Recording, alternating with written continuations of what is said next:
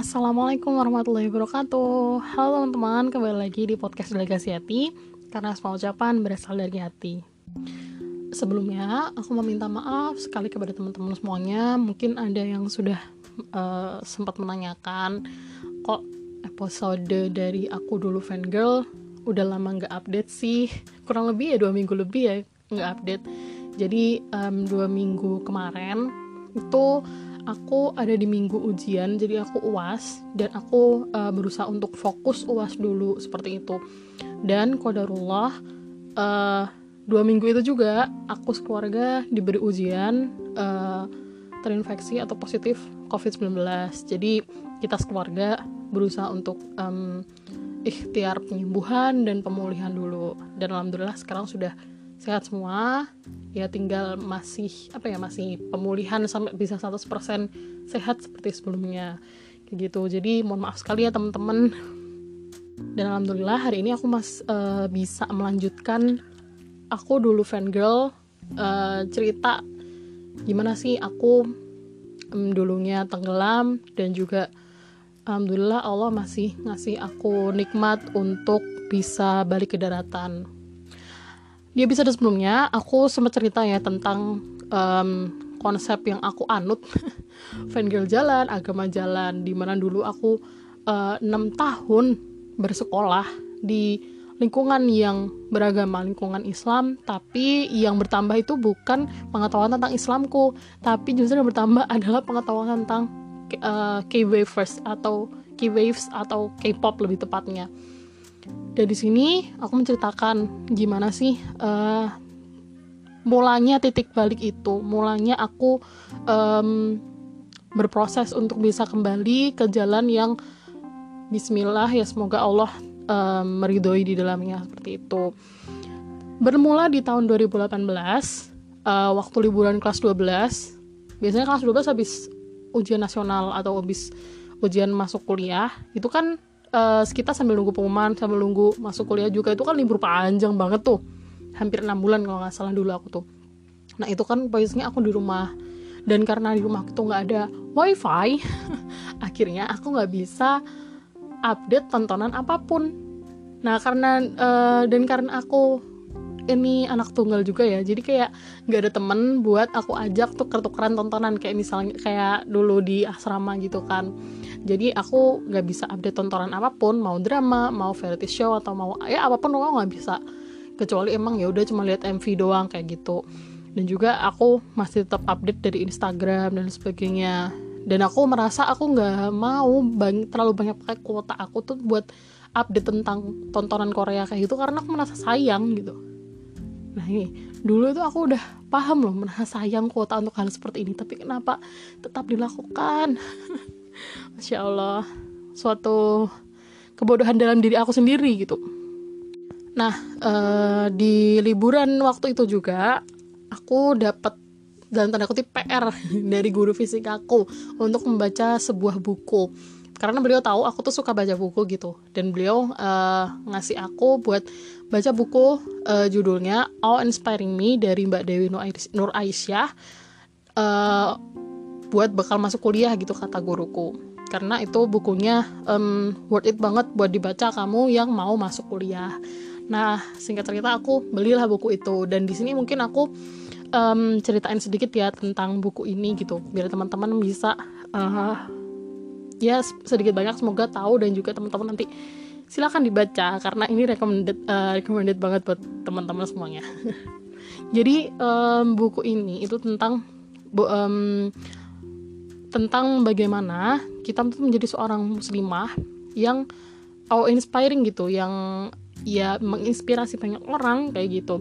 Dan di situ Mbak Dewina itu juga menceritakan tentang bagaimana Mbak Dewina tuh merancang apa ya hmm, merancang goals-goals kehidupannya dari sejak beliau masuk kuliah dan itu emang bener sih itu bisa jadi bekal bekal berguna uh, banget buat teman-teman yang mau masuk kuliah kayak gitu dan Mbak Dewina ini adalah salah satu uh, praktisi kesehatan masyarakat di Indonesia yang sekarang juga ikut di um, ikut di Satgas Covid kalau tidak salah ya. Dan beliau ini tuh menurut aku ya itu tuh se seorang muslim yang outstanding banget gitu. Karena aku uh, aku pun melihat beliau tuh sebagai role model uh, role model aku gitu. Uh, beliau itu tuh di umur 30 uh, kurang dari 30 tahun beliau udah lulus S3 dan itu uh, lulus S3-nya itu uh, di saat di mana beliau tuh sebagai istri dan juga sebagai ibu dari dua orang anak. Yang menurut aku ini adalah suatu hal yang keren karena di luar sana itu masih banyak ya orang yang menganggap bahwa gak bisa berkeluarga itu disandingkan dengan pendidikan kayak gitu. Apalagi kalau kamu udah punya anak. Nah itu susah harusnya dan sebagainya. Tapi mbak Dewi itu mematahkan stigma kayak gitu.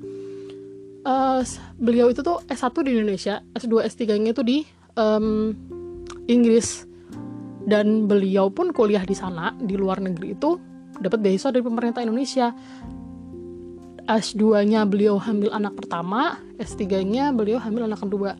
Dan itu uh, beliau masih bisa lulus dengan predikat baik juga gitu. Jadi aku merasa kayak wow ini adalah sebuah role model nih ini ini ini harus bisa nih dicontoh kayak gini perempuan. Nah singkat cerita seperti itu. Dan ketika aku baca bukunya ada satu bagian yang bikin aku uh, terketuk gitu, yaitu di bagian di mana Mbak Dewina itu mengutip hadis yang mungkin teman-teman udah sering denger ya tentang kita di akhirat besok akan dikumpulkan bersama orang-orang yang kita cintai dan di situ Mbak Dewina tuh ngasih penjelasan singkat um, tentang cinta ini. Jadi selama ini kita cintanya ke siapa? Nah kalau misalnya kita cintanya ke uh, idola-idola kayak misalnya mungkin artis-artis kayak gitu apakah mereka itu uh, nantinya akan ditempatkan di mana di akhirat? Kan kita bisa um, bisa mikir seharusnya dari sekarang kayak gitu. Nah singkat cerita setelah baca buku itu aku jadi banyak mikir gitu. Bisa dibilang overthinking juga sih. Tapi dari overthinking itu dari banyak mikir itu justru membuahkan uh, sebuah kesimpulan di mana oke okay, aku harus putar balik dari jalan yang sekarang aku tempuh. Pertama tuh aku mikir gini oh iya juga ya. Aku ini muslimah loh. Aku ini muslimah yang uh, paham Islam, paham konsep surga neraka, dan pasti cita-citanya adalah besok masuk surga. Uh, dihubungkan dengan hadis yang tadi. Terus sekarang yang aku cintai ini siapa coba sekarang? Idol-idol Korea kan? Apa iya orang-orang yang aku cintai sekarang ini bisa bawa aku ke surga? Sekalipun aku cinta banget sama ayah dan ibu misalnya. Apakah ayah dan ibu itu sudah pasti mau surga? apalagi aku cinta ya bisa dibilang aku cinta sama idol-idol apa mereka itu bisa bawa aku ke surga ya mungkin uh, oke okay, mungkin ya ya mereka belum dapat hidayah. Mereka bisa jadi besok uh, mendapatkan hidayah kemudian bisa kembali ke jalan Allah. Ya oke okay, tapi kita lihat di masa yang sekarang yang mereka di mana nggak kenal iman nggak kenal Allah nggak ada iman di mereka apa iya mereka bisa bawa ke surga? Dan aku bertanya lagi ke diri aku sendiri gitu kenapa sih kamu mencintai orang yang belum tentu masuk surga? Kenapa nggak kamu tuh mencintai orang yang udah tentu fix banget pasti banget masuk surga. Kan chance kesempatan buat masuk surga bersama orang yang dicintai uh, orang yang dicintai udah pasti masuk surga. Tadi kan lebih gede kan?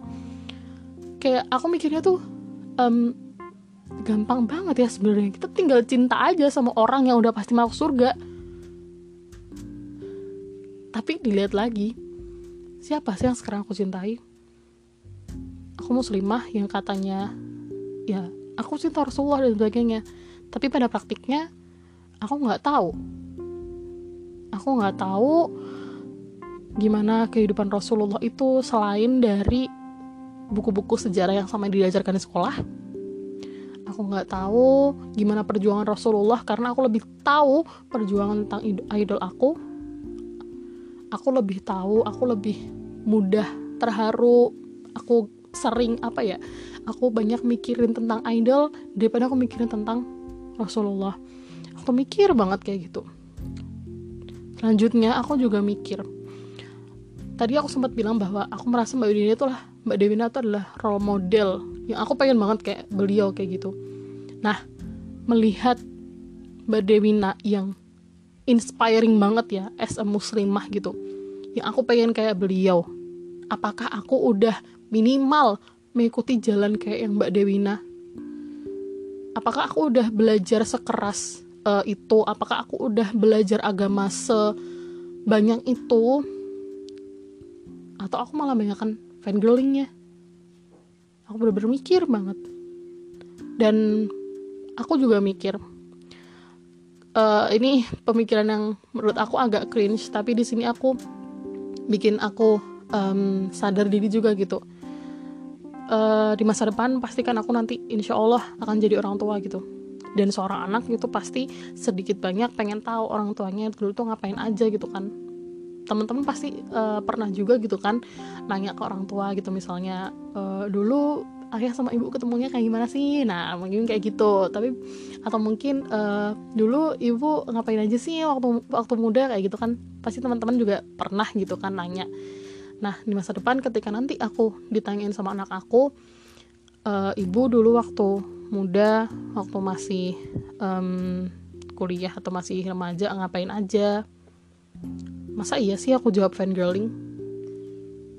Bisa aja mungkin aku jawab ya ibu aktif di organisasi ibu ikut lomba-lomba ini itu dan sebagainya.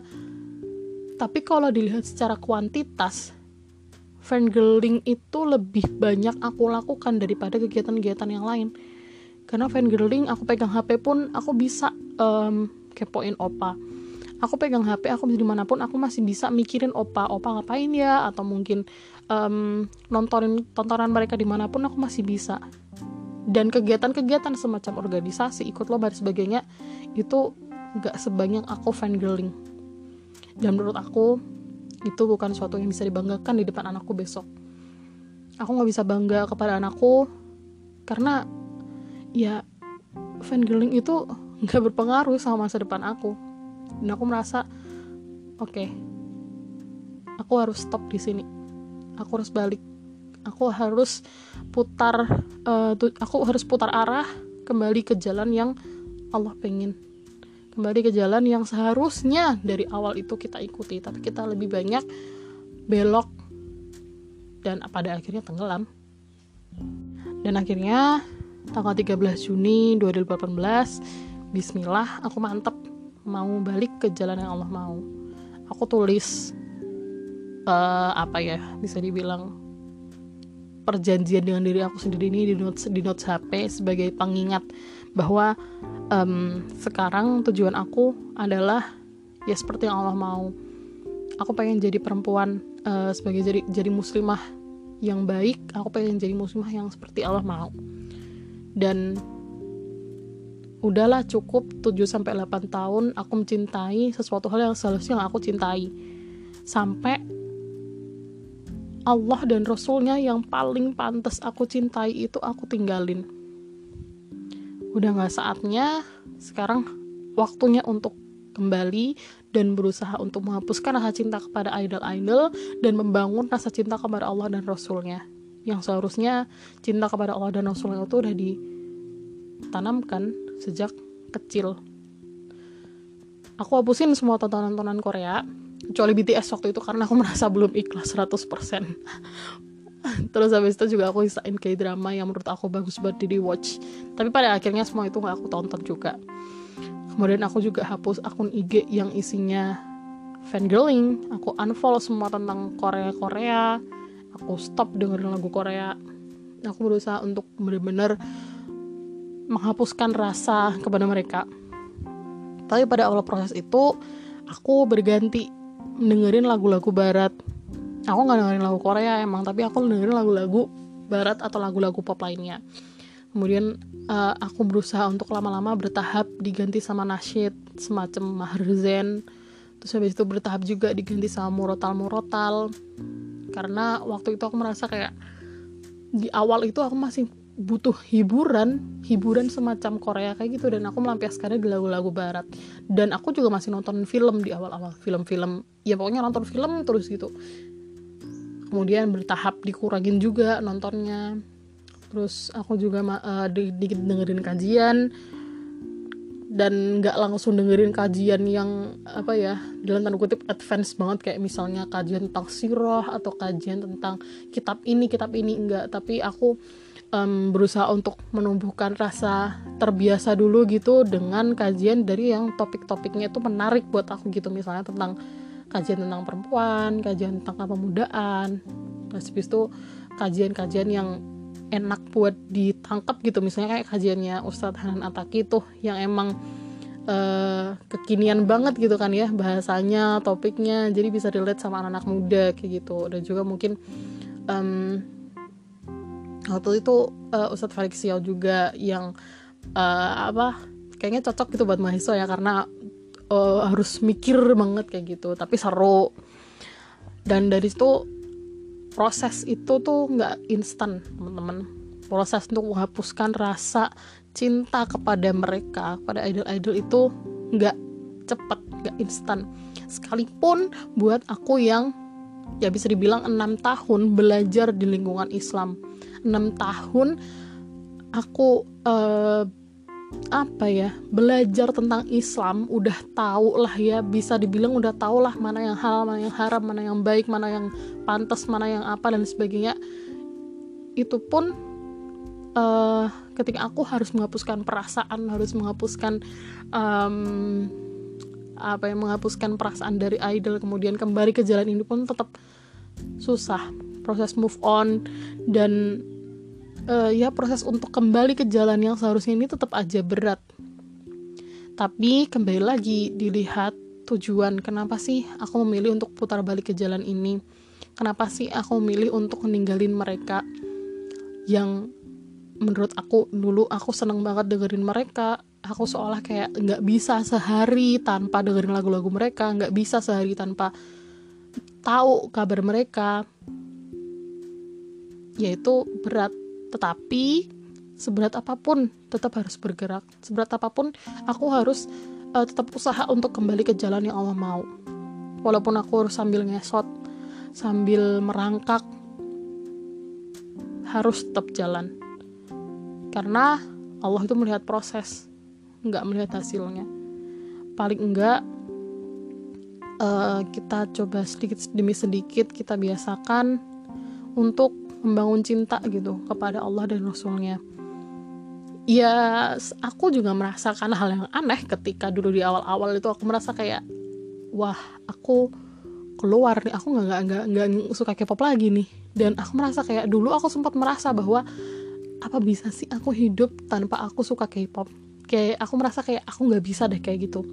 Tapi pada akhirnya aku harus memutuskan bahwa aku harus menghentikan semua ini aku harus berhenti dari uh, menyukai atau mencintai suatu hal yang seharusnya tidak perlu aku cintai. Digantikan mencintai segala hal yang seharusnya dicintai. Tapi aku yakin sih um, seberat apa pun itu sebenarnya cuma di awal. Kita merasa kayak aneh gak biasa ya namanya juga hijrah teman-teman pasti tahu kan mungkin dijauhin temen atau mungkin takut kayak terus besok aku temennya siapa? Aku juga merasa kayak gitu karena selama ini aku deket sama teman-teman itu ya de deket karena aku suka K-pop dan mereka juga suka K-pop. Aku sempat merasa bahwa bisa nggak ya aku masih temenan sama mereka? Padahal kan aku udah gak suka K-pop lagi. Tapi ya pada akhirnya sekarang pun masih bisa. Masih bisa untuk temenan tanpa kita bahas K-pop masih bisa segala ketakutan-ketakutan yang kita uh, rasakan di awal tuh apa ya itu adalah suatu baru pintu gerbang masuknya kita untuk bener-bener hijrah aja gitu.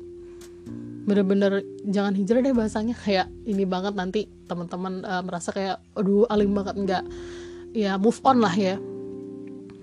Ya namanya juga kita berusaha untuk keluar dari zona nyaman itu pasti ada aja ada aja godaannya tapi sekali lagi balik lagi uh, kita tadi udah diberi udah bisa mikir gitu udah mikir kenapa uh, harus kembali ke jalan ini kayak gitu.